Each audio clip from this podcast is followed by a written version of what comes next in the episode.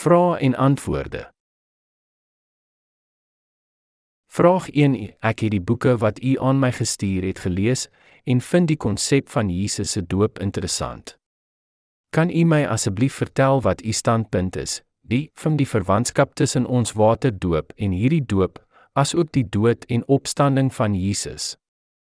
Antwoord: Eerstens moet ons aandag gee aan die leerstellings van die doop soos dit in Hebreërs 6:2 verklaar word.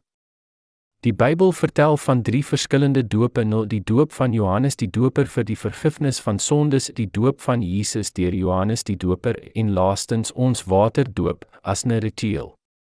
Die doop in water wat ons ontvang het, is 'n belydenis van ons geloof in die doop van Jesus. Nou ons word gedoop om ons geloof voor getuienisse te getuig dat ons waarlik in Jesus glo wie gedoop was en waar hy ons sondes weggeneem het, asook aan die kruis waar hy gebloei en gesterwe het om vir die sonde te betaal.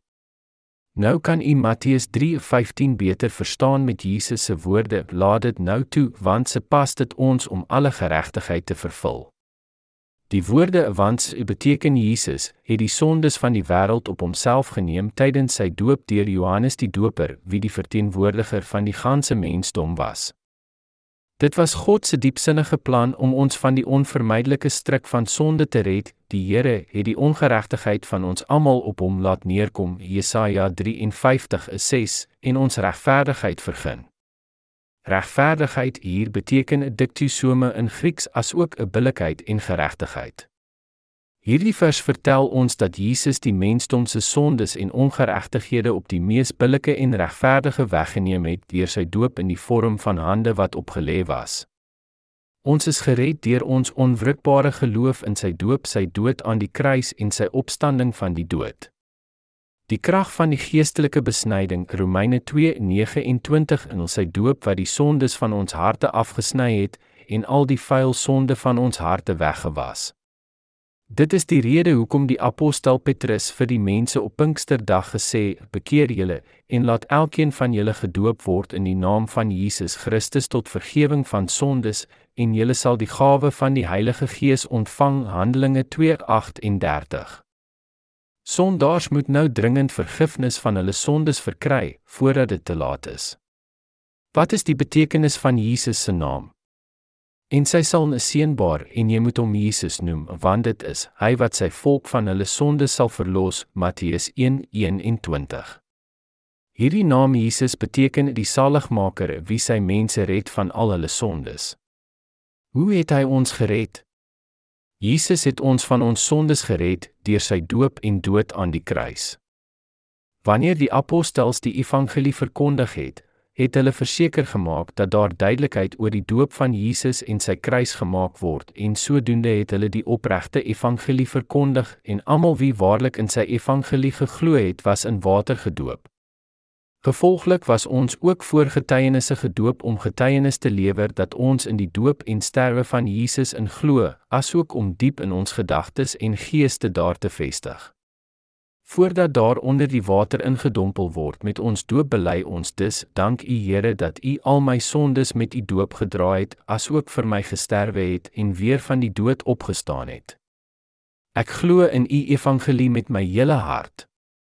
Ons is in water gedoop deur God se diensknegte as 'n simbool van ons geloof in Jesus se doop en sy dood aan die kruis net soos wanneer Johannes die Doper hom gedoop het. In dieselfde manier was die heiliges van die vroeë kerk gedoop as bewys van hulle geloof nadat hulle hul geloof in die evangelie van verlossing, die vergifnis van sonde voor getuienisse bely het. Die ritueel van ons doop is nie 'n noodsaaklike voorwaarde om volmaak gered te word nie maar dit is uiters noodsaaklik om ons geloof ferm te maak. Dit is belangrik om te weet dat ons waterdoop het niks te doen met ons verlossing nie. Ons kan alleenlik volmaak gered word as ons in sy evangelie van die water en die bloed volhartig glo. Die Bybel verklaar duidelik dat ons in Jesus Christus gedoop is. Romeine 6:3 Galasiërs 3:27 het af alleenlik diegene wie in sy doop glo. Dis hoe is dit moontlik om u in Christus Jesus gedoop te raak? Dit is net moontlik wanneer ons in sy doop glo omdat die vlees in ons self ook kan slegs met Jesus verenig word en saam aan die kruis gekruisig word deur geloof in sy doop. Gevolglik het Jesus al ons sondes gedra met sy doop en sy dood was die veroordeling vir al hierdie onregtighede. Daarvoor het ons saam met hom aan die kruis gesterwe. Met ander woorde, ons vlees wat deurgaan sonde pleeg tot die dood toe, en omdat ons saam met Christus gesterwe het, is is ons volmaak van al ons onregtighede gered met ons vereniging met Jesus deur sy doop. Diegene wie saam met Jesus deur sy doop en sterwe verenig is, is in staat om ook saam met sy opstanding verenig te word. Sy opstanding is nie slegs ons opstanding van ons dood tot sonde nie, maar dit laat toe dat ons opreg wedergebore raak as die ware kinders van God, asook die geheiligde, rein en sondeloos in hom te wandel. Sou ons nie ons sondes op hom geplaas het nie omdat ons sy doop wantrou het, kon sy sterwe en opstanding geen betekenis gehad het nie en nig niks te doen met ons verlossing nie. Diegene die gehoorsame wie al hulle sondes met geloof op hom geplaas het, is saam deur sy doop en sy sterwe aan die kruis verenig wat toegelaat het vir hulle om opreg wedergebore te word as die regverdiges. Maar ongelukkig vir hulle wie nog nie hul sondes op hom gelê het nie, asook nie in sy evangelie te glo nie, het geensins enige verwantskap of verhouding met sy sterwe en opstanding nie. Die doop van gelowiges is vertroubaar net soos daar getuig word oor 'n nuut getroude egpaar as 'n wettige egpaar deur 'n bruilofseremonie. Net soos die doop van die heiliges 'n buiteverklaring vir hul innerlike diep geloof. Wanneer ons ons geloof in sy doop en die kruisiging voor God getuig, asook voor die heiliges en die wêreld, sal ons geloof meer standvastig en onwrikbaar wees. Omdat baie die ware betekenis van die doop van Jesus deur Johannes die Doper verkeerd begryp het, moet daar nie nou voortgegaan word met die gedagtes dat ons gered kan word sonder die doop van Jesus en die betekenis daarvan nie. Dit is souwaar 'n geslepe fop van die duiwel. Ons kan souwaar vergifnis van al ons sondes ontvang en in die hemel verwelkom word as ons in die doop van Jesus met ons hele harte glo in plaas van ons eie doop. Vraag 2: Hoe kan ek sê ek is regverdig as ek elke dag sonde pleeg? Antwoord: Ons as mens pleeg sonde vanaf geboorte totdat ons sterwe. Dit is so omdat dit ons fundamentele natuur is en ons pleeg sonde vanaf die begin af. Die Bybel verklaar daar is niemand regverdig nie, selfs nie een nie, Romeine 3:10. Dit is hoekom apostel Paulus voor God bely het dat dit is 'n betroubare woord en werd om ten volle aangeneem te word dat Christus Jesus in die wêreld gekom het om sondaars te red, van wie ek die vernaamste is. 1 Timoteus 1:15. Maar nou is die geregtigheid van God geopenbaar sonder die wet, terwyl die wet en die profete daarvan getuig, die geregtigheid naamlik van God deur die geloof in Jesus Christus vir almal en oor almal wat glo, want daar is geen onderskeid nie, want almal het gesondig en dit ontbreek hulle aan die heerlikheid van God en hulle word deur sy genade sonder verdienste geregverdig deur die verlossing wat in Christus Jesus is. Romeine 3:21-24 Hierdie regverdigheid van God beteken Johannes die Doper het Jesus in die Jordaan gedoop. Hierdie is heilige woorde mense en ons moet versigtig wees om dit nie te onderskat nie. Net voordat hy deur Johannes gedoop was, het hy vir hom gesê: "Laat dit nou toe, want se pas dit ons om alle geregtigheid te vervul in Matteus 3:15."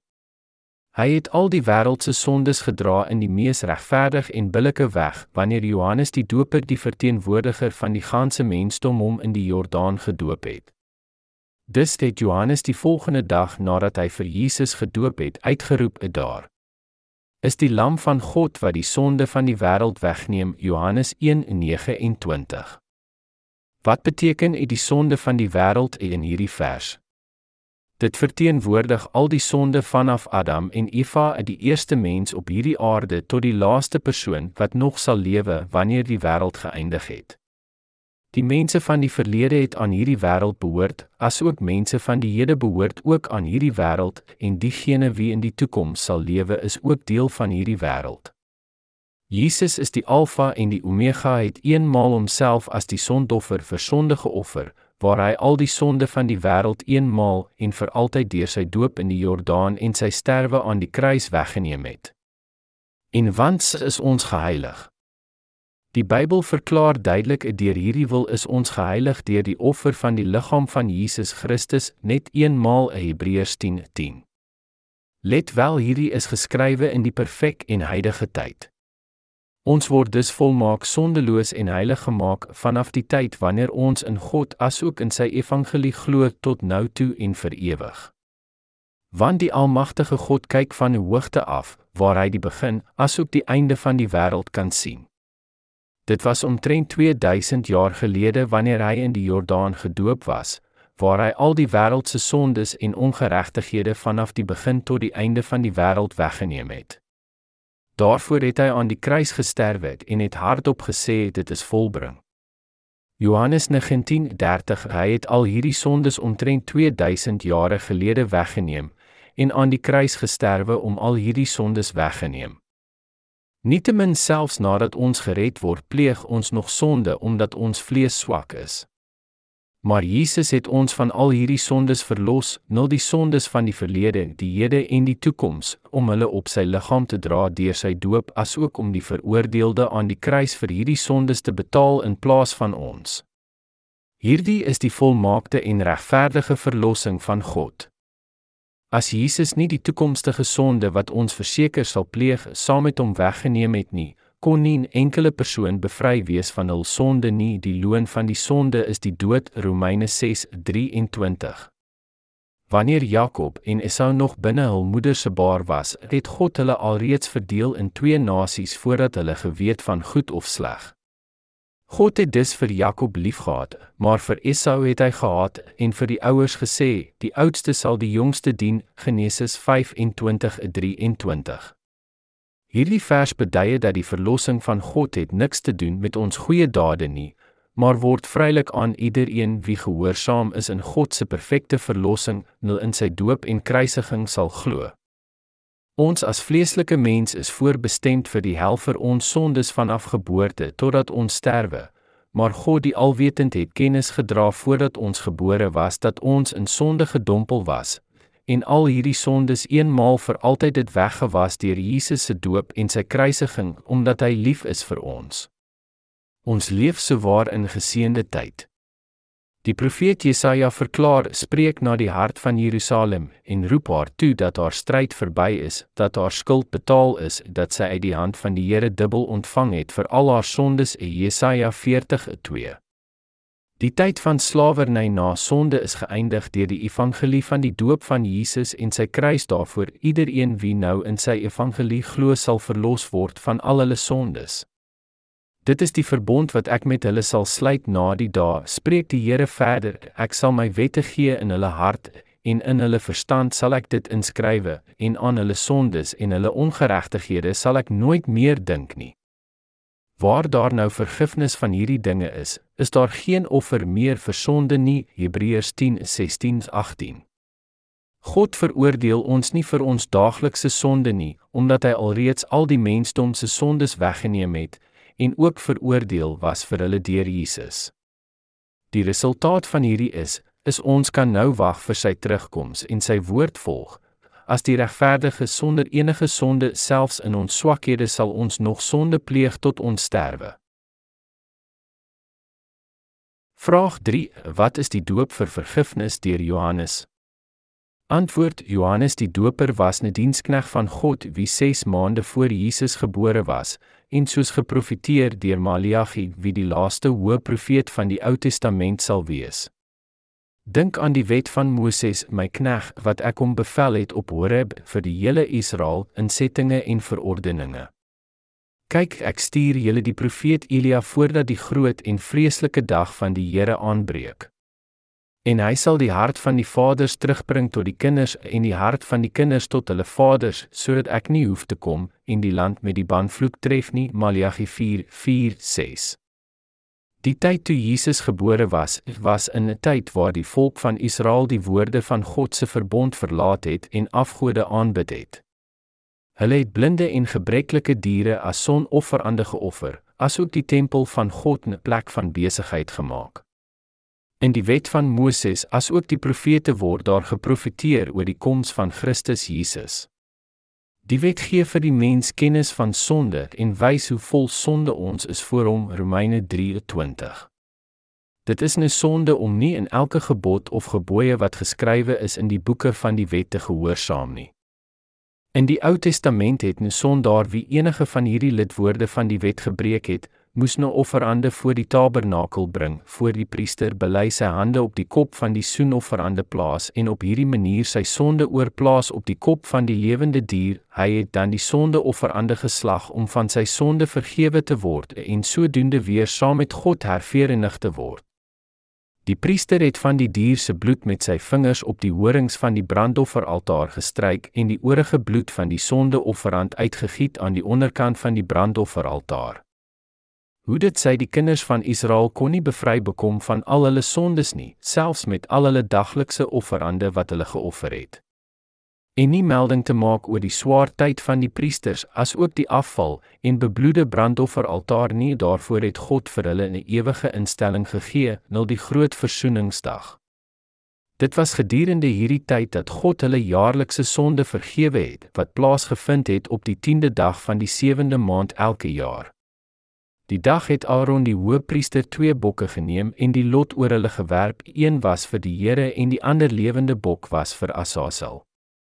Hy het voor die aangesig van die hele volk sy twee hande op die kop van die een lewende sondofferbok wat vir die volk bedoel was gelê en op hierdie manier hulle sonde op die kop van die bok gelê. Aaron het dus die bok geslag en sy bloed 7 maal gesprinkel op die versoendeksel asook voor die versoendeksel. Wanneer hy klaar verzoening vir die heiligdom gedoen het, het hy die ander lewende bok geneem.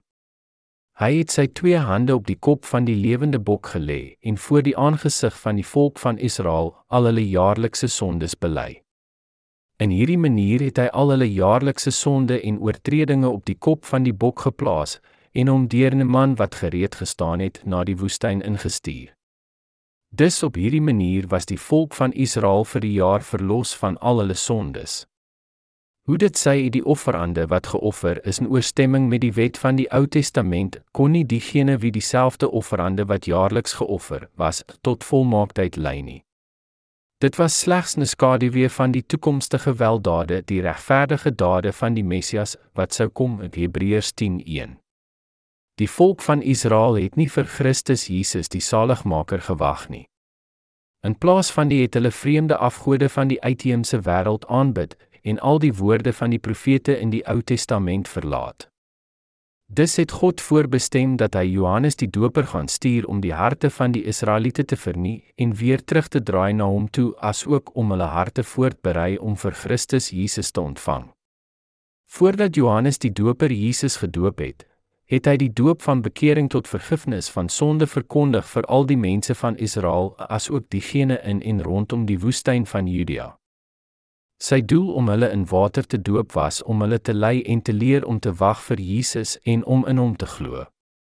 Hy het hulle geleer dat die Heiland sou deur hom gedoop word in die vorm van sy hande op hom te lê om al die wêreld se sondes weggeneem en daarna aan die kruis gekruisig te word om sodoende hulle volmaak van sonde te red. Hy het vir hulle vertel dat Jesus sou kom en die onvolmaakte offerande van die verlede wegneem en in plaas van die sy liggaam as die ewige offerande offer, hy sal al ons sondes wegneem deur sy doop en net so die kinders van Israel verlos was van hul sondes deur gebreklose lewende bok as die sondeofferande waar hande op die kop van die bok gelê was en geslag in ooreenstemming met die offerande stelsel van die Ou Testament.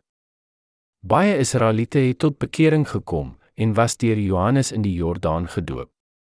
Bekeringe beteken om iemand se gedagtes en gees terug te draai na die Here toe. Hulle het weer begin om die wet van die Ou Testament te onthou en na Johannes gekom om hulle sondes bely dat hulle souwaar sondaars was en dat hulle deurgaan sonde pleeg totdat hulle sterwe. Hulle het ook erken dat hulle nie die koninkryk van die hemel sal beerwe met goeie dade in ooreenstemming met die wet nie en dus het hulle hul gedagte na Christus Jesus gedraai. Hy sou al hulle sondes eenmaal en vir ewig uitwis en dus die hek van die koninkryk van die hemel vir almal oopmaak. Die doop wat Johannes die Doper vir die volk van Israel gegee het, was soos volg: Hy het hulle laat erken dat hulle sondaars was en dat hulle deurgaans deur hul lewens sonde pleeg.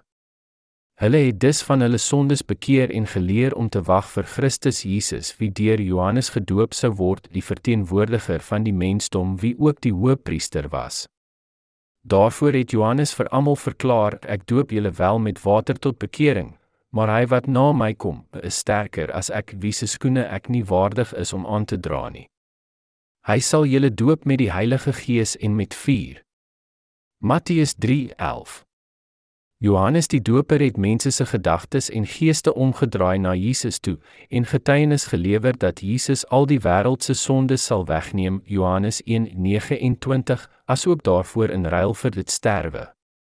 Dis het Jesus homself getuienis gedra dat Johannes na hulle gekom om die weg van geregtigheid te verkondig Matteus 1:20-32 Vraag 4 Dink u om hierdie verstandige van die doop van Jesus vir verlossing, sal sy dood op die kruis verydel in die evangelie? Antwoord: Die doop van Jesus en sy sterwe aan die kruis is gesamentlik essensieel vir ons verlossing. Elkeen van sy regverdige dade is belangrik, daar kan nie een uitgelaat word nie.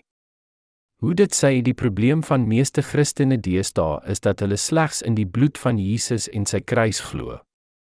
Hulle glo volhartig dat hulle van sonde vergewe is omdat hy slegs aan die kruis gesterwe het, maar dit is nie die kruis alleen waarvan Jesus al die wêreld se sondes weggeneem het. Sedert hy deur Johannes die Doper gedoop was en al ons sondes op sy rug gedra het, was sy sterwe op die kruis die veroordeling vir al ons sondes. Om slegs in die kruis te glo sonder die doop van Jesus word vergelyk na 'n offerande aan die Here sonder hande wat opgelê word. Diegene wie sulke offerande geoffer het, kon nie vergifnis vir hulle sondes kry nie. Dit was 'n wettelose offerande wat vir God nie aanvaarbaar was nie. Die Here het Moses geroep en met hom van binne die tent van samekoms gepraat en vir hom gesê: "As sy offer 'n brandoffer is van beeste, moet dit 'n bul sonder gebrek wees wat hy bring." By die ingang van die tent van samekoms moet hy dit bring sodat hy welgevalle voor die aangesig van die Here kan vind en hy moet sy hand op die kop van die brandoffer lê, dan sal dit vir hom met welgevalle aangeneem word om verzoening vir hom te doen Levitikus 1:3-4. Die Here is regverdig en wettig. Hy het 'n billike en regverdige offerande stelsel gestig om sondes weggewis. Wanneer ons 'n wettige offerande offer, sal hierdie offerande aanvaarbaar deur die Here wees om verzoening vir ons te bewerkstellig. Sonder die oplê van hande kan geen offerande aanvaarbaar vir God wees. Net as ons die doop van Jesus weglaat van ons geloof in hom, kan ons met sulke geloof nie vergifnis van sonde ontvang nie. Een van die mees algemene dwaalbegrippe wat vandag se Christene glo, is dat hulle gered kan word om slegs in Jesus te glo as hulle heiland omdat God liefde is. Die Bybel verklaar natuurlik en elkeen wat die naam van die Here aanroep, sal gered word. Handelinge 2:21 Romeine 10:13 Nademaal vertel dit ook dat nie elkeen wat vir my sê die Here Here sal ingaan in die koninkryk van die hemele nie, maar hy wat die wil doen van my Vader wat in die hemele is. Matteus 7:21 Om te bely dat Jesus ons heiland is, moet ons eers kennis dra van die wet van verlossing wat God gestig het. As ons gered kon word om slegs in Jesus te glo, sou daar geen rede gewees het vir die opskrywe van die offerande stelsel in die Ou Testament nie, asook diegene wie ongeregtighede bewerk soos in Matteus 7:21 verklaar word. Hoe dit sê die verbasende en perfekte weg van die Here se verlossing is duidelik in die Bybel uiteengesit. Ons kan dus werklik sien van Levitikus hoofstuk 3 en 4 dat 'n sondaar moes sy hande op die kop van die offerande lê en in hierdie manier al sy sonde op die kop van die offerande oorplaas. Die offerande was dan geslag is sy bloed gesprinkel wanneer hy sonofferande en vredeofferande geoffer het. Om offerande te offer sonder die oplê van hande of offerande met gebrekkige was te wetteloos om verzoening te maak. Beide die woorde van die Ou en Nuwe Testamente het hulle in ooreenstemming ekwivalente met mekaar. Jesaja 34:16. Die doop van Jesus in die Jordaan is gelyke aan die sondaar in die Ou Testament wat sy hande op die kop van die sondeofferande gelê het. Wanneer Jesus deur Johannes die Doper in die Jordaan gedoop was, het hy gesê: "Laat dit nou toe, want se pas dit ons om alle geregtigheid te vervul Matteus 3:15." Die woorde hier alle geregtigheid beteken regverdigheid en billikheid. Dit beteken dat dit paslik was vir Jesus om die sondeofferande vir die mensdom in hierdie manier te word. Dit was ook paslik om deur Johannes die Doper gedoop te word in die vorm van hande wat op hom gelê word om al die wêreld se sondes weggeneem op die mees billike manier 'n ooreenstemming met die offerandesisteem saamgestel van die oplê van hande en bloed wat God in die Ou Testament gestig het. Om slegs in die kruis te glo beteken dat sy sterwe niks te doen het met ons sondes nie, omdat ons sondes kon nooit op hom geplaas kon word sonder die doop van Jesus nie. Die resultaat van die betreffende sy bloed sou as vuil beskou word en onbevoeg wees om sondes weggewis Hebreërs 10:29. Daarvoor sou sy bloed kragtig en doeltreffend wees met die wegwas van die sonde in die harte van gelowiges slegs as hulle erken en glo dat al hulle sondes op hom geplaas was wanneer Johannes die Doper hom in die Jordaan gedoop het deur hande wat op hom gelê was. Dis het die apostel Johannes getuienis gelewer dat iedereen wie glo dat Jesus die seun van God is en wat deur water en bloed gekom het, sal die wêreld oorwin. Dit is hy wat deur water en bloed gekom het, Jesus die Christus, nie deur die water alleen nie, maar deur die water en die bloed 1 Johannes 5:4-6. Jesus Christus het vir sy disippels al hierdie dinge oor homself verduidelik in die Heilige Skrif. Vanaf Moses en al die profete het hy hulle verduidelik dat die sondeofferande in die Ou Testament eintlik vir homself was. Dawid het in die psalms gesê: "Kyk, ek kom, in die boekrol is dit my voorgeskrywe om u wil te doen, o God." Psalm 40:8 Hebreërs 10:7. Gevolglik sal sy doop nie die kruis verydel nie, maar is die essensiële deel van sy evangelie wat die betekenis van die kruis volmaak en vervul. Dit leer ons ook dat daar geen vergifnis van sonde ontvang kan word sonder die doop en waardevolle bloed van Jesus Christus nie. Die betekenis om volmaak gered te word en om vergifnis van sonde te ontvang is in al sy regverdige dade te glo, hul om te glo in die doop van Jesus en sy bloed aan die kruis en die gawe van die Heilige Gees te ontvang. 1 Johannes 5:8 Handelinge 2:38. Vraag 5: Sal u asseblief vir my verduidelik hierdie evangelie van die water en die Gees? Antwoord sou ons naald iewers buite verloor het, sou ons dit gesoek het in die plek waar ons dit verloor het, nie waar nie. Maar dit sou onsinnig wees om dit te probeer soek binne die huis omdat dit helder verlig is. Ek vind baie van hierdie soort onsinnige mense in vandag se kerke terwyl hulle maklik betrokke raak met oneindige Bybelse polemiek omtrent die waterdoop van die gelowiges ens, vra hulle nooit die mees belangrike vraag in hul: Hoekom was Jesus deur Johannes die Doper gedoop? Met hierdie soortgelyke neigings bevind ons baie verskillende soorte kerke en sekte in hedendaagse Christengemeenskappe. Om 'n einde te bring aan hierdie onophoudelike polemiek, moet ons dus uit hierdie swaarmoedige dorp hardloop en teruggaan na die plek waar ons die naald verloor het. As ons die waarheid eerlik wil besit, moet ons dus alles van die stereotipe soort op sy stoot, omdat ons dit nooit bevind in 'n dorp van godsdiens nie. Mag ek u 'n vraag vra?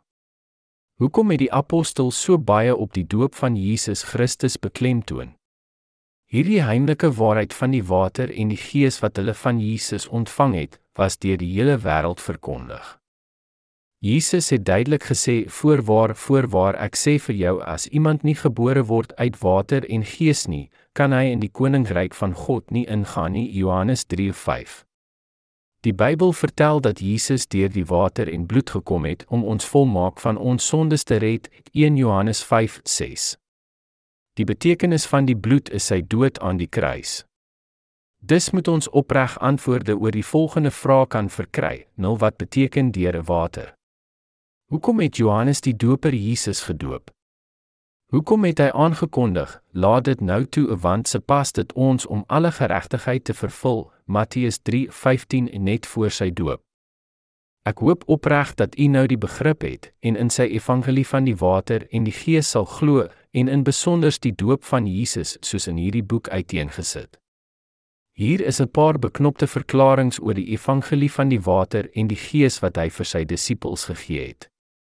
Die apostels het groot klem gelê op die doop van Jesus wanneer hulle die evangelie verkondig het. Pff.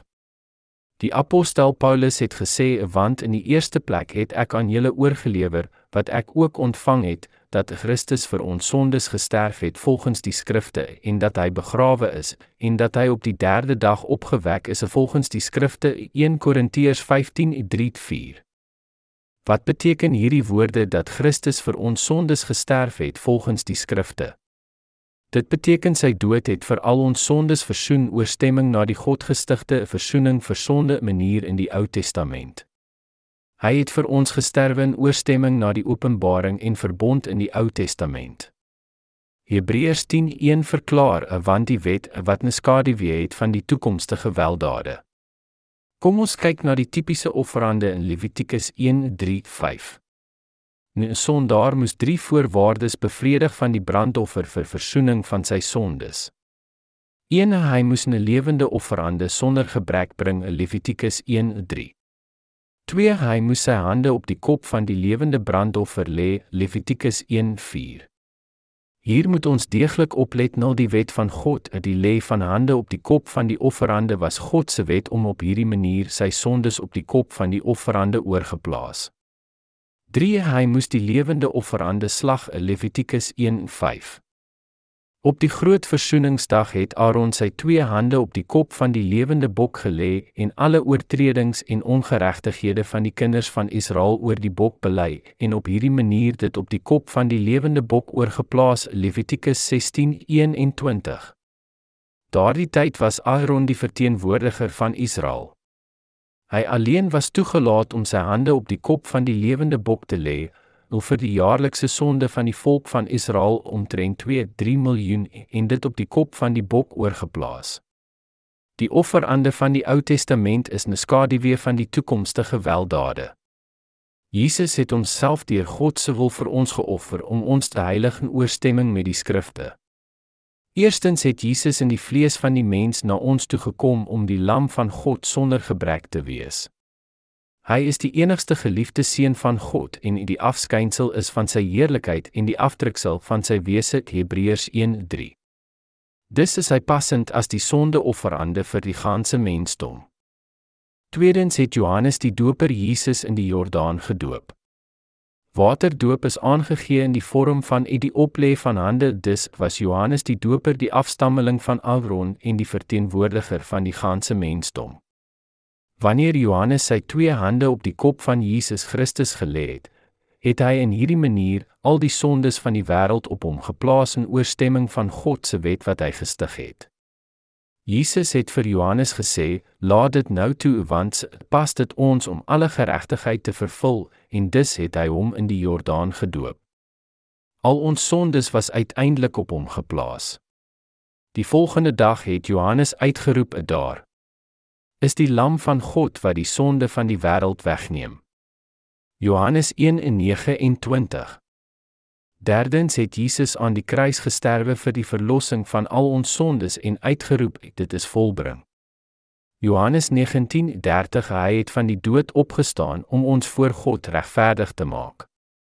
Hou in gedagte dat 'n sondeofferande was geoffer vir die vergifnis van sondes. Nou sondaar was gelas om sy hande op die kop van die lewende offerande te lê voordat dit geslag was. As hy net een enkele stap uitgelaat het, maar as hy nie sy hande op die kop van die offerande gelê het nie, kon hy nie vergifnis verkry het nie omdat hy ongeregtig gewerk het. Christene nie en daar is baie wat geensins 'n idee het wat sy doop beteken, kan nog nie volmaak gered word nie in ooreenstemming met al sy woorde. Meeste Christene deesdae dra slegs kennis van net die helfte van sy regverdige daad. Die apostel Johannes maak dit duidelik in die evangelie in sy eerste sendingsbriewe dit is hy wat deur water en bloed gekom het Jesus die Christus nie deur water alleen nie maar deur die water en die bloed en dit is die gees wat getuig want die gees is die waarheid 1 Johannes 5:6 Daar is heelwat skrifte in die Bybel wat sy doop ondersteun van hoe essensieel sy doop is om sy regverdigde daad te volmaak vir ons verlossing. Alle Christene reg deur die wêreld moet nou van sy evangelie hoor en terugkom na die evangelie van die water en die gees voordat dit te laat is. Vraag 6: Watter skrifte verskaf bewys dat die apostels groot klem op die doop van Jesus gelê het? Antwoord: Meerendeels moet ons onderskei tussen die betekenis van ons waterdoop en die van Jesus. Daar kan beslis nie wedergebore plaasvind om slegs in water gedoop te word. Ons kan slegs opreg wedergebore word wanneer ons in Jesus Christus glo en wat hy vir ons gedoen het. Rituele soos doop of vooruitbesnyding is nie onmisbare voorwaardes van die verlossing van God nie. Nêrens in die Bybel word dit gespesifiseer dat die waterdoop van gelowiges 'n moet vir verlossing is nie. Maar inteendeel sit dit groot klem op die doop wat Jesus deur Johannes ontvang het. Souwaar heelwat van die Bybelse verse ondersteun die feit dat die doop van Jesus die onmisbare en essensiële deel is vir ons verlossing. Eerstens, sy doop word as die proloog geproklaameer van sy hele regverdige daad in elk van die 4 evangelies. Byvoorbeeld, die heilige evangelie volgens Markus begin met die evangelie van Jesus Christus juis vanaf die doop van Jesus. Johannes het die evangelie in datum reeks geskrywe en terminologie gebruik soos ubf. Die volgende dag E1:29 en in die derde dag 2:1 met die begin vanaf die dag wat Jesus gedoop was. Johannes die Doper het die woord van God die volgende dag verklaar nadat hy Jesus gedoop het en uitgeroep het daar. Is die lam van God wat die sonde van die wêreld wegneem. Johannes 1:29 Hierdie verse beteken wat dit bedoel, nul dat al die sonde van die wêreld op Jesus geplaas was toe hy deur Johannes die Doper gedoop is. En vir 3 jaar die evangelie verkondig het en daarna het hy aan die kruis gesterwe vir die verzoening van ons sondes op waar hy op die kruis uitgeroep het, dit is volbring. Johannes 19:30 hy het op die 3de dag van die dood opgestaan. Die apostel Paulus het ook verklaar dat Christus vir ons sondes gesterf het volgens die skrifte 1 Korintiërs 15:3. Die skrifte verwys hier na die Ou Testament. Hoe kon 'n sondaar sy offerande offer in die Ou Testament? Hy moes sy hande op die kop van die sondeofferande oplê en sy sonde op hierdie manier op die kop van die offerande oorplaas voordat hy dit geslag het. Sou hy die proses van u die oplê van hande op die offerande weggelaat het, kon hy nie vergifnis gekry het nie en sy offerande sou as 'n onwettige offerande beskou word. Die apostel Paulus het gesê, "Of weet julle nie dat ons almal wat in Christus Jesus gedoop is, in sy dood gedoop is nie?" Romeine 6:3 Dus, hoe is dit moontlik dat ons in Christus Jesus gedoop is? Om gedoop te word in Christus Jesus is om te glo in sy doop in die Jordaan en nie net ons eie waterdoop nie. Wanneer daar in die feit dat Johannes die Doper souwaar al ons sondes op hom oorgeplaas het, deur die lê van sy hande op die kop van Jesus kan ons in hom gedoop raak. Want julle almal wat in Christus gedoop is, het met Christus bekleë, Galasiërs 3:27. Dis diegene wie al hul sondes op Jesus geplaas deur Johannes die Doper met geloof het God se sonlose kinders geword. In wie julle ook besny is met 'n besnydenis wat nie met hande verrig word nie, deur die liggaam van die sondige vlees af te lê in die besnydenis van Christus Kolossense 2:11. Die weg om van die vleeslike liggaam van sonde volmaak verlos te word, is om geestelik besny sonder hande te word. Romeine 2:29 verklaar: Besnydenis is die van die hart, dis om in die doop van Jesus te glo, die is wat al sondes in ons harte afsny.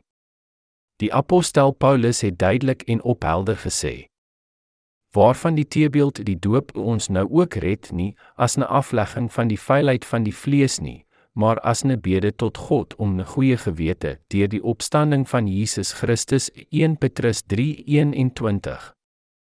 Doop is die teebeeld wat ons opreg voor God red, soos ons weet baie mense het gesterwe in die dae van Noag omdat hulle nie in die water geglo nie. Selfs vandag is daar nog talle ongehoorsaam mense deur hierdie wêreld wie sal omkom selfs as daar in Jesus geglo word, omdat hulle weier om in die doop van Jesus te glo wat die water behels. Die apostel Johannes het alles oor sy evangelie openbaar in sy eerste sentbrief, waar hy geskrywe het: "Dit is hy wat deur water en bloed gekom het, Jesus die Christus, nie deur die water alleen nie, maar deur die water en die bloed." 1 Johannes 5:6. Jesus het na ons gekom deur beide sy doop en die kruis om ons volmaak van ons sondes te red. Johannes het ook gesê: "En daar is 3 wat getuig op die aarde, die Gees en die water en die bloed." En die 3 is eensstemmig 1 Johannes 5:8. Hierdie vers vertel vir ons dat die doop van Jesus, die kruis en die Gees gesamentlik verbind een perfekte verlossing. Jesus het vir Nikodemus gesê: "Voorwaar, voorwaar, ek sê vir jou, as iemand nie gebore word uit water en Gees nie, kan hy in die koninkryk van God nie ingaan nie." Johannes 3:5. Ons is dus wedergebore deur die water en die Gees. Geloof in sy doop van die water en die kruis is al wat nodig is om verlos te wees van sondes, asook die Heilige Gees ontvang as God se vrye gawe. Hierdie is wat die Bybel verklaar omtrent om wedergebore te word. Dis het die apostel Petrus verkondig: "Bekeer julle en laat elkeen van julle gedoop word in die naam van Jesus Christus tot vergifnis van sondes en julle sal die gawe van die Heilige Gees ontvang." Handelinge 2:38. Om vergifnis van alle sondes asook die Heilige Gees te ontvang, moet u onvatbare geloof in die doop van Jesus in u hart besit. Wat anders kan ons moontlik verdere sê?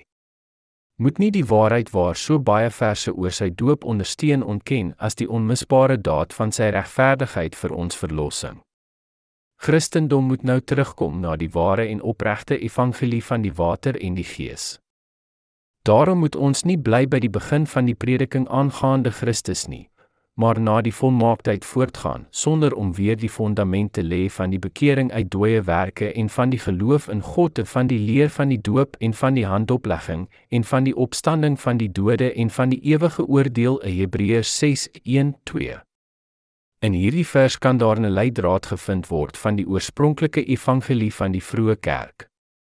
Hulle het die leerstelling van die doop van die lê op van hande, die opstanding van die dood, asook die ewige geoordeling vir diegene wie net opreg Christene geword het. Ons moet almal dus met ons gedagtes en gees glo dat Jesus al ons sondes weggeneem het met sy doop en op die kruis gesterwe het om vir al ons sondes veroordeel te word, te ooreenstemming met die regverdige wet van God. Vraag 7: Dit is wat ek alreeds geglo het, as ook dit vir my gemeente geleer, tensy u net die dikwels geïgnoreerde doop van Jesus beklemtoon. Wat dan is die verskil omtrent hierdie evangelie van die water en die gees? Antwoord: Dit blyk asof daar verwarring is in u vraag. Hoe dit sy laat ek verduidelik om opreg gebore te raak beteken om vergifnis van alle sondes te ontvang. Dit beteken ook om opreg wedergebore te word. Wanneer 'n sondaar regverdig word om in sy evangelie van lewe te glo, sê ons hy is opreg wedergebore van die water en die Gees deur Jesus se verlossing. Die Heilige Gees word op diegene gestort wie verlos, vergewe en opreg wedergebore is en hy getuig dat hulle souwaar God se kinders is. Daarvoor is dit dieselfde in hul die vergifnis van sonde ontvangs van die Heilige Gees, verlos te word, wedergebore 'n God se kinders en 'n regverdige persoon word. Jesus het gesê, ek is die weg en die waarheid en die lewe. Niemand kom na die Vader behalwe deur my nie. Johannes 14:6 wat bedui dat slegs deur Jesus, die innigste geliefde seun van God, is dit moontlik om in die koninkryk van God toegang kan verkry. Daarom moet ons kennis dra hoe Jesus al ons sondes weggeneem het en ons as sy volk genoem en wie toegang verdien het tot sy koninkryk. Hoe dit sy meeste Christene dink nog dat as hulle net op sy naam roep sal hulle gered word. Hulle glo in Jesus sonder om die Bybel oop te maak en verkies om alles wat die geestelike onkunde predikante opdis ingesluk, asook geen kennis wat hy deur sy dade vir ons gedoen het om ons te bevry van al ons sondes. God is die Gees en die Heilige Een by wie is daar geen verandering of afwisseling nie, maar inteendeel lewe ons sondige lewens. Om toegang te verkry in die koninkryk van die Here is net moontlik deur Jesus, en ons moet dus in hom glo deur geloof in die wet van die Gees van die lewe in Christus Jesus Romeine 8:1-2. Daar is vandag ongelukkig baie mense wat geen kennis dra aangaande wat Jesus gedoen het vir ons verlossing, maar tog gaan hulle blindelings voort om in hom te glo wat heeltemal nuttelose is en roep deurgaans uit die Here, Here. Hulle dink dat hulle gered is, maar het nog sonde in hul harte. As u nog sonde in jou hart besit terwyl daar getuig oor jou geloof in Jesus, dan die belangrike vraag van wat was u dus gered? En as iemand sou vra hoe het Jesus al ons sondes weggewas? Die meerderheid van mense sal antwoord, hy het dit moontlik op die kruis weggewas. Dis nog 'n belangrike vraag, het jy nog sonde in jou hart? Hulle sal antwoord beslis ja. Wie kan volmaak bevry wees van sonde op hierdie aarde? Die naam van Jesus beteken want dit is hy wat sy volk van hulle sondes sal verlos, Matteus 1:21. Ons glo in Jesus om volmaak van sonde gered te word. Maar as daar nog sonde in ons harte is, selfs word daar in Jesus geglo, is ons nog blote sondaars en in gevangenskap met sonde en sal dien ooreenkomstig veroordeel word. Dis het die apostel Paulus het verklaar, daar is dan nou geen veroordeling vir wat in Christus Jesus is nie, Romeine 8:1. Dit is dus verseker dat as daar iemand is wie nog sonde in hul harte het, terwyl hulle God bedien, is hulle nog nie met Christus Jesus verenig nie. Hoekom bly hulle sondaars en wie nog nie verlos is van al hulle sondes nie en het hulle weggeval van verlossing selfs word daar in Jesus geglo? Dit is omdat hulle weier om sy doop te erken en te glo, maar inteendeel glo alleen in die bloed op die kruis sonder dat hulle hul sondes op hom gelê het met geloof deur die doop van Jesus. Daarom het hulle nog sonde in hulle harte aangesien Jesus op die kruis aangaande sonde gesterwe.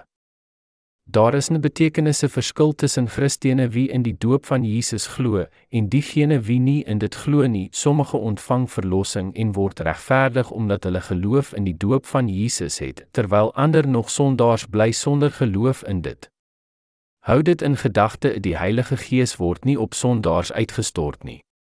Hy word slegs op die regverdiges uitgestort wie opreg wedergebore geword het deur om te glo in die evangelie van die water en die Gees. Dis het die apostel Paulus verklaar, of weet julle nie dat ons almal wat in Christus Jesus gedoop is, in sy dood gedoop is nie? Romeine 6:3 Daar is baie mense wat glo dat Jesus al hulle sondes op die kruis weggeneem het, maar is nie in staat om voor God belydenis of getuienis te lewe dat hulle wel sondelose harte het. Sou hulle dit verkondig, sal hulle skuldig verklaar word omdat hulle leuns vir God verkondig, asook teen hulle gewete gaan. Ons almal souwaar sal verseker sonde in ons harte hê as ons nie dit geplaas met geloof op Jesus nie, asook in sy doop glo. Vir diegene wie nie in sy evangelie van die doop van Jesus en die kruis gesamentlik glo nie, sal verseker vooroor in wetteloosheid val en blote sondaars voor God wees. Daarvoor alles wat hulle probeer te doen om regverdig voor God te bekom, of lang vaste in die berge bid om van hulle sonde vergifnis te verkry eens. Eens in die einde met al hierdie vleeslike werke is daar nog sonde in hul harte. Ons moet in al Jesus se woorde glo. Jesus het duidelik gesê, nie elkeen wat vir my sê, Here, Here, sal ingaan in die koninkryk van die hemele nie, maar hy wat die wil doen van my Vader wat in die hemele is. Baie sal in daardie dag vir my sê, Here, Here, het ons nie in U naam geprofeteer en in U naam duiwels uitgedrywe en in U naam baie kragte gedoen nie. En dan sal ek aan hulle sê, ek het julle nooit geken nie. Gaan weg van my, julle wat die ongeregtigheid werk. Matteus 7:21-23 wat beteken die julle wat die ongeregtigheid werk en waarna verwys Jesus na? Dit verwys na diegene wie nog nie die perfekte verlossing in hulle harte ontvang nie en verwys na almal wie slegs in die kruis glo. Hierdie is 'n willekeurige of eie magtige geloof en nie een van God nie. Ons bewerk ongeregtigheid as ons nie in die feit dat Jesus ons volmaak gered het deur sy doop en die kruis glo nie. Daar kan nie getuig word en te sê dat ons die opregte geloof het voordat ons deeglik kennis het, asook te glo in beide die doop van Jesus en sy kruis. Jesus het uitdruklik gesê dat sou mense wedergebore wou word, sou dit slegs alleen moontlik wees deur die water en die Gees. Net soos die mense in Noag se dae, sou hulle van die vloedwaters gered gewees het. As hulle in die ark was, net is dit moontlik om van al jou sondes verlos te word en 'n ware gelowige lewe leef slegs as u in hierdie evangelie van die water en die Gees glo. Sonder hierdie evangelie sal u geensins van u sondes vergifnis verkry nog God se kinders word nie. Vraag 8 Ek was verseker dat om slegs in Jesus te glo het my gered. Ek het lankal vrede in my hart gemaak met al my skuldige oortuigings. Maar nou is ek heel deurmekaar met al u boodskappe. Moet ek nou in sy doop asook met sy kruis glo om opreg gered te word? Antwoord ja al twee. Laat ek verduidelik as u nie in die doop van Jesus glo nie is dit verseker dat u nog sonde in u hart het. Die apostel Johannes het gesê as ons sê dat ons geen sonde het nie mislei ons onsself en die waarheid is nie in ons nie. 1 Johannes 1:8 As u sou sê dat u geen sonde het nie selfs as u wel sonde in u hart het omdat u nie in die doop van Jesus glo nie sal dit net daad wees om jou eie gewete te bedrieg en is bewyse dat die waarheid nie in jou is nie. Die skuldbewyse van verlossing opkom in ons harte wanneer daar vergifnis van sonde en die Heilige Gees ontvang is as 'n gawe om in beide die doop van Jesus en in sy kruis te glo. Die apostel Paulus het gesê daar geen ander is nie dat daar sommige mense is wat julle in die war bring en die evangelie van Christus wil verdraai Galasiërs 1:7. Niks behalwe hierdie evangelie van die water en die gees wat die apostels ontvang het van Jesus en verkondig na die mense is in staat om ons volmaak te red van al ons sondes. As ons nie in sy evangelie van die water en die gees glo nie en wat die apostels verkondig het, sal ons verseker sonde in ons harte besit. Hoe kan ons vrede maak met skuldige oortuigings as daar nog sonde in ons harte is? Christene wie nog nie opreg wedergebore is nie voor God en ander gedra en hulself oortuig dat hulle verlossing vol vreugde en vry van skuld bewyse is en maar hulle het tekortkome van skuld en vrees die las van sonde in hulle harte wanneer hulle ernstige sonde pleeg. Dit is 'n valse verlossing gebaseer op hulle eie gedagtes en emosies en dit is nie van God af nie.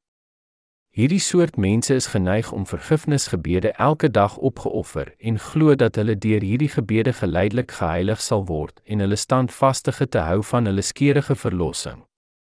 Diegene wie in hierdie soort valse verlossing glo, het die gedagte dat hulle sal eendag volmaak gered wees as hulle volhou met hulle valse skynheilige lewens en vir God elke dag vergifnisgebede opoffer, asook die wet probeer te hou deur eie werke en dade. Nietemin is hulle nog blote sondaars as hulle nog nie al hulle sondes op Jesus geplaas het deur geloof in sy doop.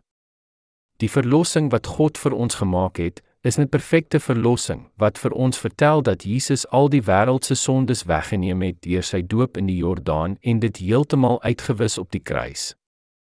Dis het die apostel Johannes gesê, As ons sondes bely, hy is getrou en regverdig om ons die sondes te vergewe en ons van alle ongeregtigheid te reinig. 1 Johannes 1:9. As al ons sondes nog nie vergewe was nie deur die evangelie van die water en die gees omdat ons nie van dit geweet het nie, sou ons nog voor hom moes bely dat ons nog sondaars is, alhoewel ons in hom glo en kennis dra dat ons op pad hel toe is vir ons sondes. Wet Here, as U nie my red nie, sal ek in die hel beland. Hierdie is 'n ware belydenis van sonde. Sonde kan nie weggewas word sonder die evangelie van die water en die gees, al hoe klein hierdie sonde is.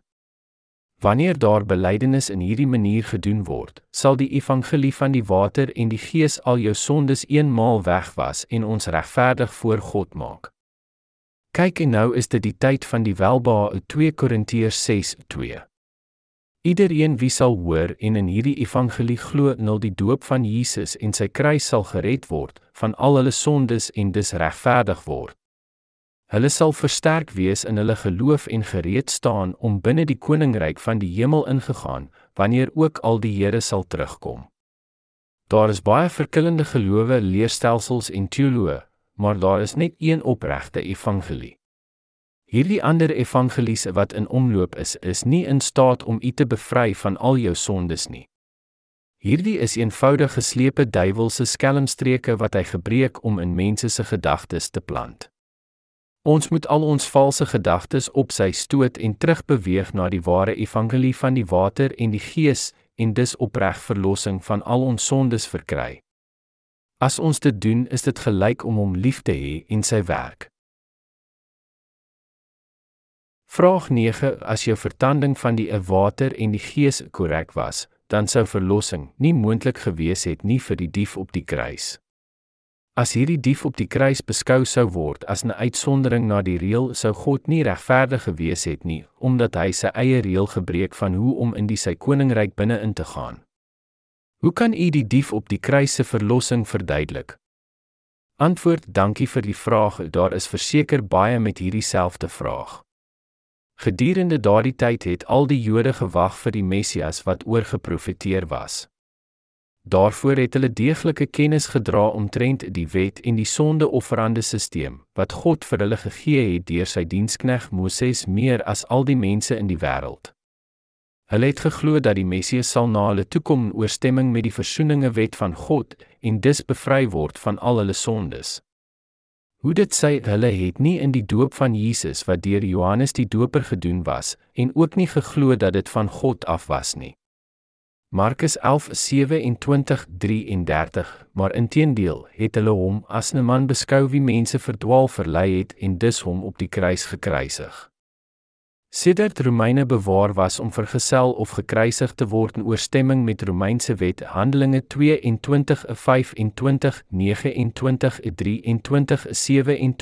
weet ons dat die twee diewe op die kruis nie Romeins was nie, maar Jode.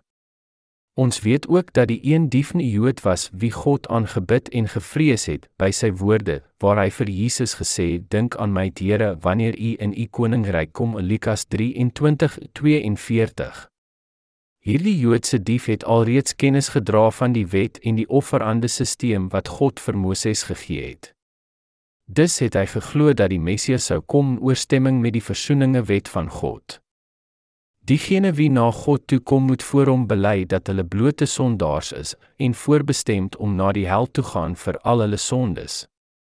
Die dief het sy sondes voor Jesus bely om te sê ons tog regverdiglik want ons ontvang die verdiende loon vir ons dade Lukas 23:41. Ons kan ook weet dat die dief God vriesende was en sy hoop was om binne in die koninkryk van die hemel ingegaan by sy woorde waar hy vir Jesus gesê het: "Dink aan my, Here, wanneer U in U koninkryk kom." Lukas 23:42.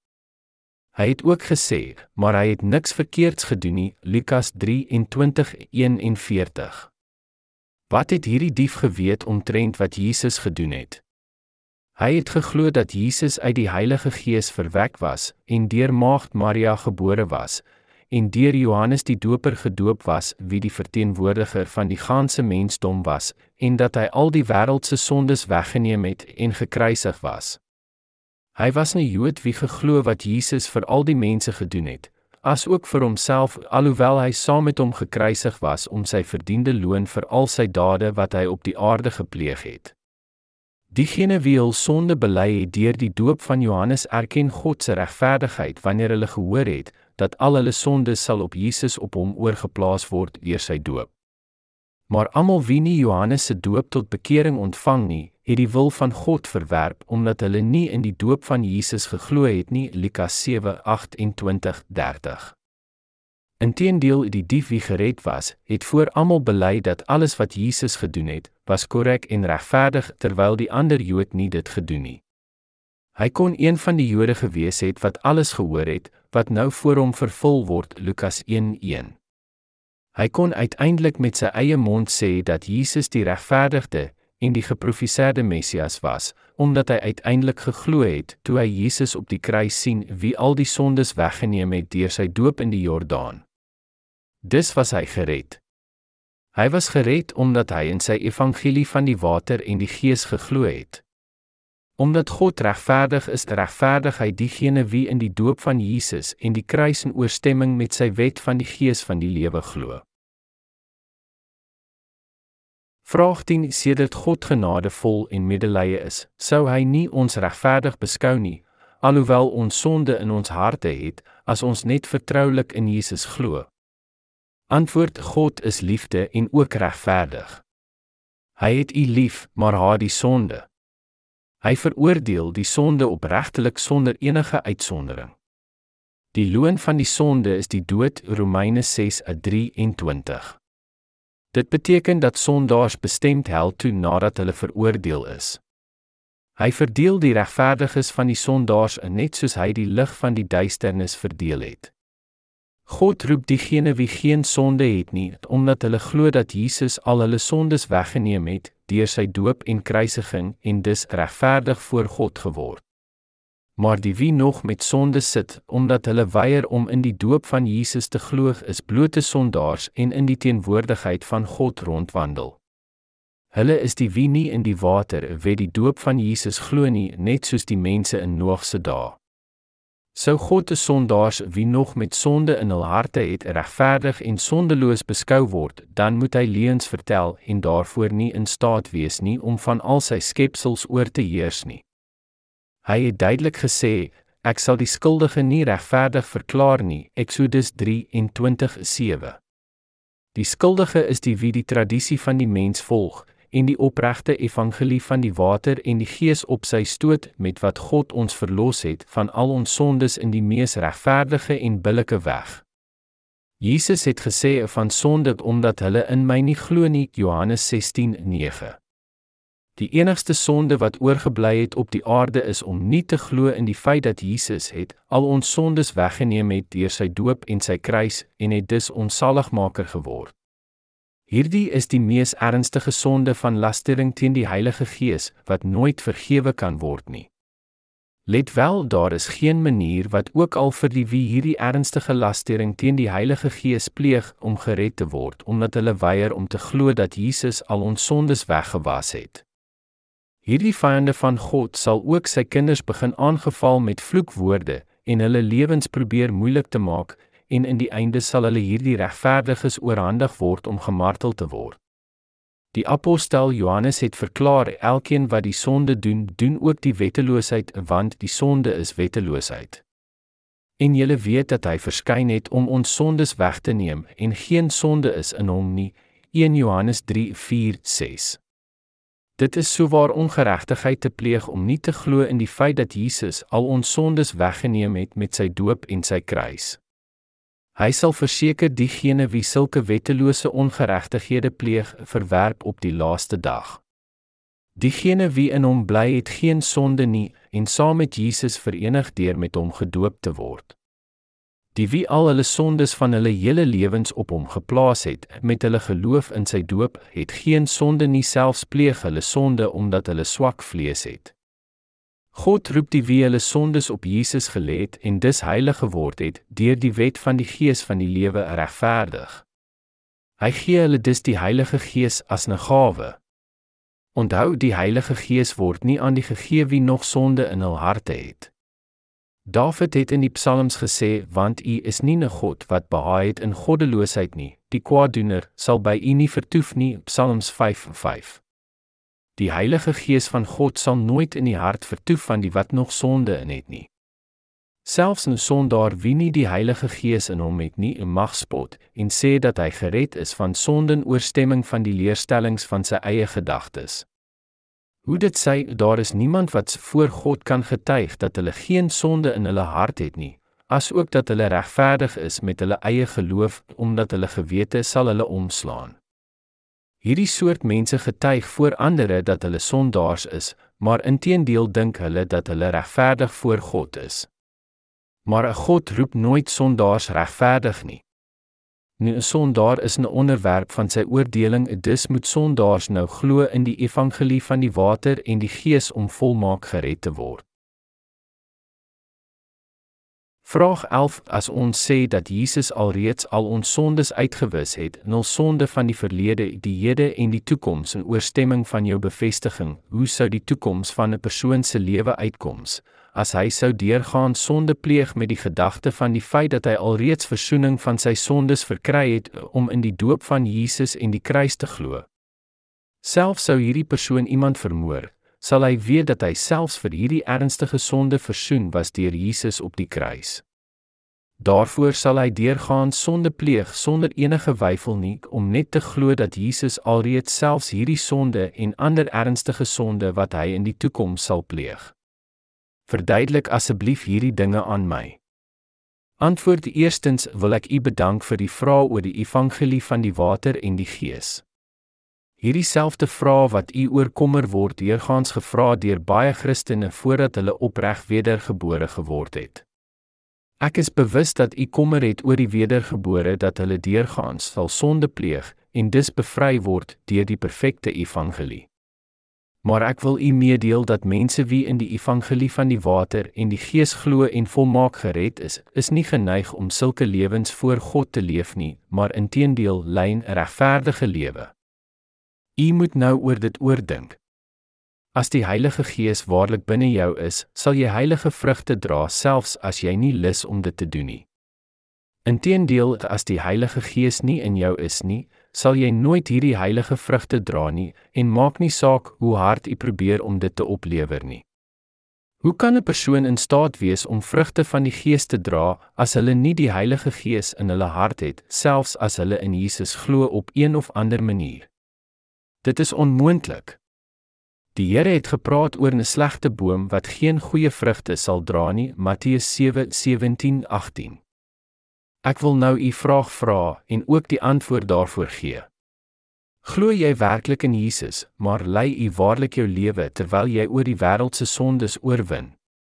Lewe jy as 'n regverdige dienskneg van God met die oorwinning van die wêreld sê sondes, die Here meer bedien en ander hierdie evangelie van die water en die gees verkondig sodat hulle ook gered van al hulle sondes kan wees? Het jy waarlik 'n regverdige persoon geword met nie een enkele sonde nie nadat jy in Jesus begin te glo? Slegs geloof en die evangelie laat u ja na hierdie vraag beantwoord. Nou die evangelie van die water en die gees waar die Here getuienis gelewe oor in die Ou en die Nuwe Testamente. U moet ook verstaan omdat ons nog vlees is, pleeg ons nog sonde in hierdie wêreld selfs nadat ons in Jesus geglo het. Maar ons Here was deur Johannes in die Jordaan gedoop en op die kruis sy bloed gestort om ons van al die sonde van die wêreld te red. Daarvoor het die Here 'n regverdige daad vir ons gedoen en ons is gered van al ons sondes deur geloof in God se regverdigheid, sy doop en bloed wat al ons sondes uitgewis het. Mag ek weer 'n paar vrae vra? Is u waarlik bevry van sonde van jou gewete? Was u nie 'n sondaar selfs nadat u begin in Jesus te glo net soos voordat jy in hom begin te glo het. As dit waar is, is dit waarskynlik dat u nog nie sy evangelie van die water en die gees gehoor het nie. Daarvoor het jy met die probleme en aftrekking wat onafskeidelik verbonde van die vlees is ingeval het omdat u nie die gees in jou hart besit nie. Dit maak nie saak hoe gelowig u mag wees nie, u kan slegs die gedagtes van die vlees ontsnap by om u hart leeg te maak en die perfekte evangelie van die water en die gees aangeneem. Jy moet dus u vleeslike gedagtes weggooi en teruggaan na al die geskrywe woorde van God gaan om te verstaan van die feit dat sy evangelie van die water en die gees die waarheid is. Daar is baie mense in hierdie wêreld wie die wet van verlossing verander het wat die Here gestig het en in plaas van 'n ander een gestig van hulle pas, selfs doen wat hulle doen en bely hul sonde vir die Here met hulle lippe. As u een van hierdie soort mense is, is sal die Here u op die laaste dag verwerp.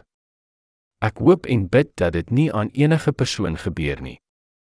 Ek bid ook dat u 'n persoon is wie glo dat Jesus se bloed op die kruis is die enigste ding wat u sal red en dat u hierdie vraag gevra het met die begeerte dat u wil die res van jou lewe leef sonder enige sonde maar jou gedagtes is gedagtes van die vlees wat is omdat wat die vlees bedink vyandskap teen God is Romeine 8:7 Paulus sê verder in die wat in die vlees is kan God nie behaag nie Romeine 8:8 As u waarlik begeer om geloof te besit wat God behaag, moet u in hierdie opmerklike werk van die Here glo waar hy na ons wêreld gekom het deur Maagd Maria, het al mensdom se sondes weggeneem deur sy doop in die Jordaan wat hy ontvang het deur Johannes die Doper en daarby God se regverdigheid vervul het. Wie dink u is in staat om God se regverdige werk uitvoer in 'n regverdige persoon of 'n sondaar? Nou sondaar is nog betrokke met en in die teenwoordigheid van sonde omdat hulle nog nie vergifnis van hulle sonde voor God verkry het nie. Daarvoor die enigste ding wat vir sulke persone wag is die veroordeling van hul sondes. U moet onthou God kan nie toelaat dat sondaars binne in sy koninkryk gaan nie, omdat u is nie 'n God wat behaai het in goddeloosheid nie, Psalms 5:5.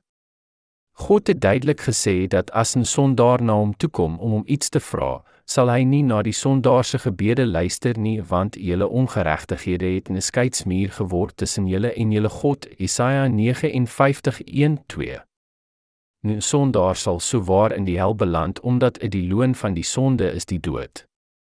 Slegs regverdige mense wie geheilig geword het en wat geen sonde in hul harte het is in staat om die regverdige werke van God te doen En om by te voeg, die Heilige Gees leef binne die harte van die regverdiges wie geen sonde het nie en wie glo in die doop van Jesus en sy kruis, die perfekte evangelie. Die apostel Petrus het op Pinksterdag uitgeroep: "Bekeer julle en laat elkeen van julle gedoop word in die naam van Jesus Christus tot vergifnis van sondes en julle sal die gawe van die Heilige Gees ontvang." Handelinge 2:38. Die betekenis van hierdie vers beduie as u begeer om ware geloof te besit, asook die vergifnis van al jou sonde deur geloof, moet u dus in beide die doop van Jesus en sy dood op die kruis in glo.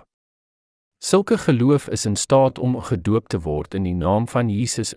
U kan vergifnis van al jou sondes verkry deur geloof in al sy regverdige dade. Natuurlik het die disippels van Jesus die rituaal van die doop na die wedergebore gelowiges bedien het, wie geloof in sy doop en die kruis gehad het. En Jesus het ook sy disippels gelas om elkeen wie in hom glo te doop in die naam van die Vader en van die Seun en van die Heilige Gees Matteus 28:19. Verder het die apostel Paulus gesê: "Maar as iemand die Gees van Christus nie het nie, die behoort nie aan hom nie." Romeine 8:9. God gee sy Heilige Gees na die regverdiges om hulle te seël as sy kinders. Die Heilige Gees kan nooit binne sondaars leef nie omdat hulle sonde besit. Die Heilige Gees haat sonde inteendeel verkies hy heiligheid. Die Gees lei ook regverdige mense op die regverdige weg asook om die wil van die Vader te volg. Dis wat is die wil van die Vader? Dit is om sy evangelie te verkondig in hul van die water en die Gees na die mense van elke nasie, volk en tong en hulle te doop in ooreenstemming na die groot opdrag. Die vlees van die regverdiges pleeg sonde tot die dag van hulle dood. Hoe dit sê die Here het die regverdige daad volbring van die uitwissing van al sondes wat mense pleeg met hulle vlees en harte deur sy doop en bloed. Hierdie is die geregtigheid is van God wat Jesus vervul het. Daarvoor is dit in die Bybel geskrywe want die ware evangelie die geregtigheid van God word daarin geopenbaar uit geloof tot geloof soos geskrywe is maar die regverdige sal uit die geloof lewe in Romeine 1:17 'n persoon wie die vergifnis van sonde ontvang het om in God se regverdigheid te glo sal die wet van sonde en die dood oorwin en in plaas van sy eie regverdigheid volg Hierdie is net moontlik deur die Heilige Gees wie kom op en leef binne die wie glo in die perfekte evangelie van die water en die Gees. Al die sonde van die verlede, die hede en die toekoms van 'n regverdige persoon was op Jesus oorgeplaas wanneer hy deur Johannes die Doper gedoop was. Die vlees van die regverdige het ook saam met Jesus gesterwe. Wanneer 'n persoon in dit glo, word hy verenig saam met Jesus en in die vergelykenis van sy dood. Dit word die oordeling vir al sy sondes Romeine hoofstuk 6. Daarvoor self sou die vlees van 'n regverdige persoon deurgaan struikel en sonde pleeg deurgaan sy lewe die Heilige Gees wat in sy hart woon lei hom sodat hy die Gees volg. 'n Regverdige persoon volg die Heilige Gees en doen God se werk omdat hy binne in hom woon. Selfs gedurende die apostel se tyd was daar baie mense wat die wedergeborenes onredelik geblameer het omdat hulle die skynheiliges die astrante houding gehad deur die nuwe lewe van die wedergebore ges wie deur die Heilige Gees oor hulle beheer gehad het. Hoe dit sê hierdie soort mense het die verkeerde begryp van die ware evangelie van die water en die gees gehad het, asook waarvan die apostels oorgepreek het, en hulle het slegs instinkmatige gedagtes van die vlees gehad. Daarom het die apostel Paulus vir hierdie mense gesê, wat sal ons dan sê? Sal ons in die sonde bly dat die genade meer kan word? Nie dit stellig nie. Ons wat die sonde afgesterf het, hoe kan ons nog daarin lewe? Romeine 6:1-2 en verdere sê hy ek dank God deur Jesus Christus ons Here. So dien ek self dan wel met die gemoed die wet van God, maar met die vlees die wet van die sonde Romeine 7:25-26. Ten slotte die vlees van die regverdiges is nog onvoldoende en het geen ander weg as om deurgaans sonde te pleeg, maar hulle volg nog die Heilige Gees en verkondig sy evangelie na die hele wêreld. Die regverdiges loop in die Gees omdat hulle harte rus en in vrede onder genade. Wat dan? Sal ons sonde doen omdat ons nie onder die wet is nie, maar onder die genade. Nie dit stellig nie. Weet julle nie dat aan wie julle julself as diensknegte tot beskikking stel om hom gehoorsaam te wees, julle diensknegte is van hom aan wie julle gehoorsaam is nie, of van die sonde tot die dood, of van die gehoorsaamheid tot geregtigheid. Romeine 6:15-16 Net soos egte blomme is heelwat verkillende van kunsmatige blomme, die meester binne die hart van 'n regverdige persoon en 'n sondaar is 'n verskillend van mekaar. Sedert die meester binne die hart van die regverdige persoon is eintlik die Heilige Gees, is die persoon in staat om in die Gees te loop asook om die regverdige waarheid te volg deur sy lewe. Dit is wat God behaag. Inteendeel in 'n sondaar het geen ander weg as om sonde te volg omdat die meester binne hom 'n sonde homself. Nou 'n sondaar is nie in staat om 'n heilige lewe te leef nie, omdat hy besit nie die gees nie en besit slegs ongeregtighede. Die gestel dat gelowiges in die evangelie van die water en die gees nie in staat om heilige lewens te lei nie, is 'n blote dwaalbegrip wat kom uit van instinkmatige gedagtes van die vlees. God het hulle gewaarsku, maar hierdie mense belaster alles wat hulle nie ken nie en alles wat hulle soos die redelose diere op natuurlike wyse verstaan daardeur gaan hulle te gronde Judas 1:10 Baie mense deesdae het die waanbegrip en die verkeerde indruk van die lewe van die regverdiges, selfs sou hulle tog toegee dat die evangelie van die water en die gees die opreg evangelie is, maar omdat hulle dit nie volledig kennis dra nie, het hulle nog nie dit binne in hul harte aanvaar nie. Wat is u gedagtes omtrent die regverdige werke van die wedergeborene heiliges? Hulle het al hulle waardevolle aardse dinge opgeoffer, selfs hulle self as die lewende offerande vir goeie werke om hierdie evangelie oor die hele wêreld te versprei. As u nou alles wat hier geskrywe is oordink, hoekom dink u dat die gelowiges in die evangelie van die water en die gees sou opsetlik sonde pleeg op die voorwendsel van die evangelie? Die regverdige doen goeie werke deur geloof in die teenwoordigheid van die lig van waarheid, asook God se regverdigheid. Diegene wie die regverdigheid van God beoefen, is deur God gebore.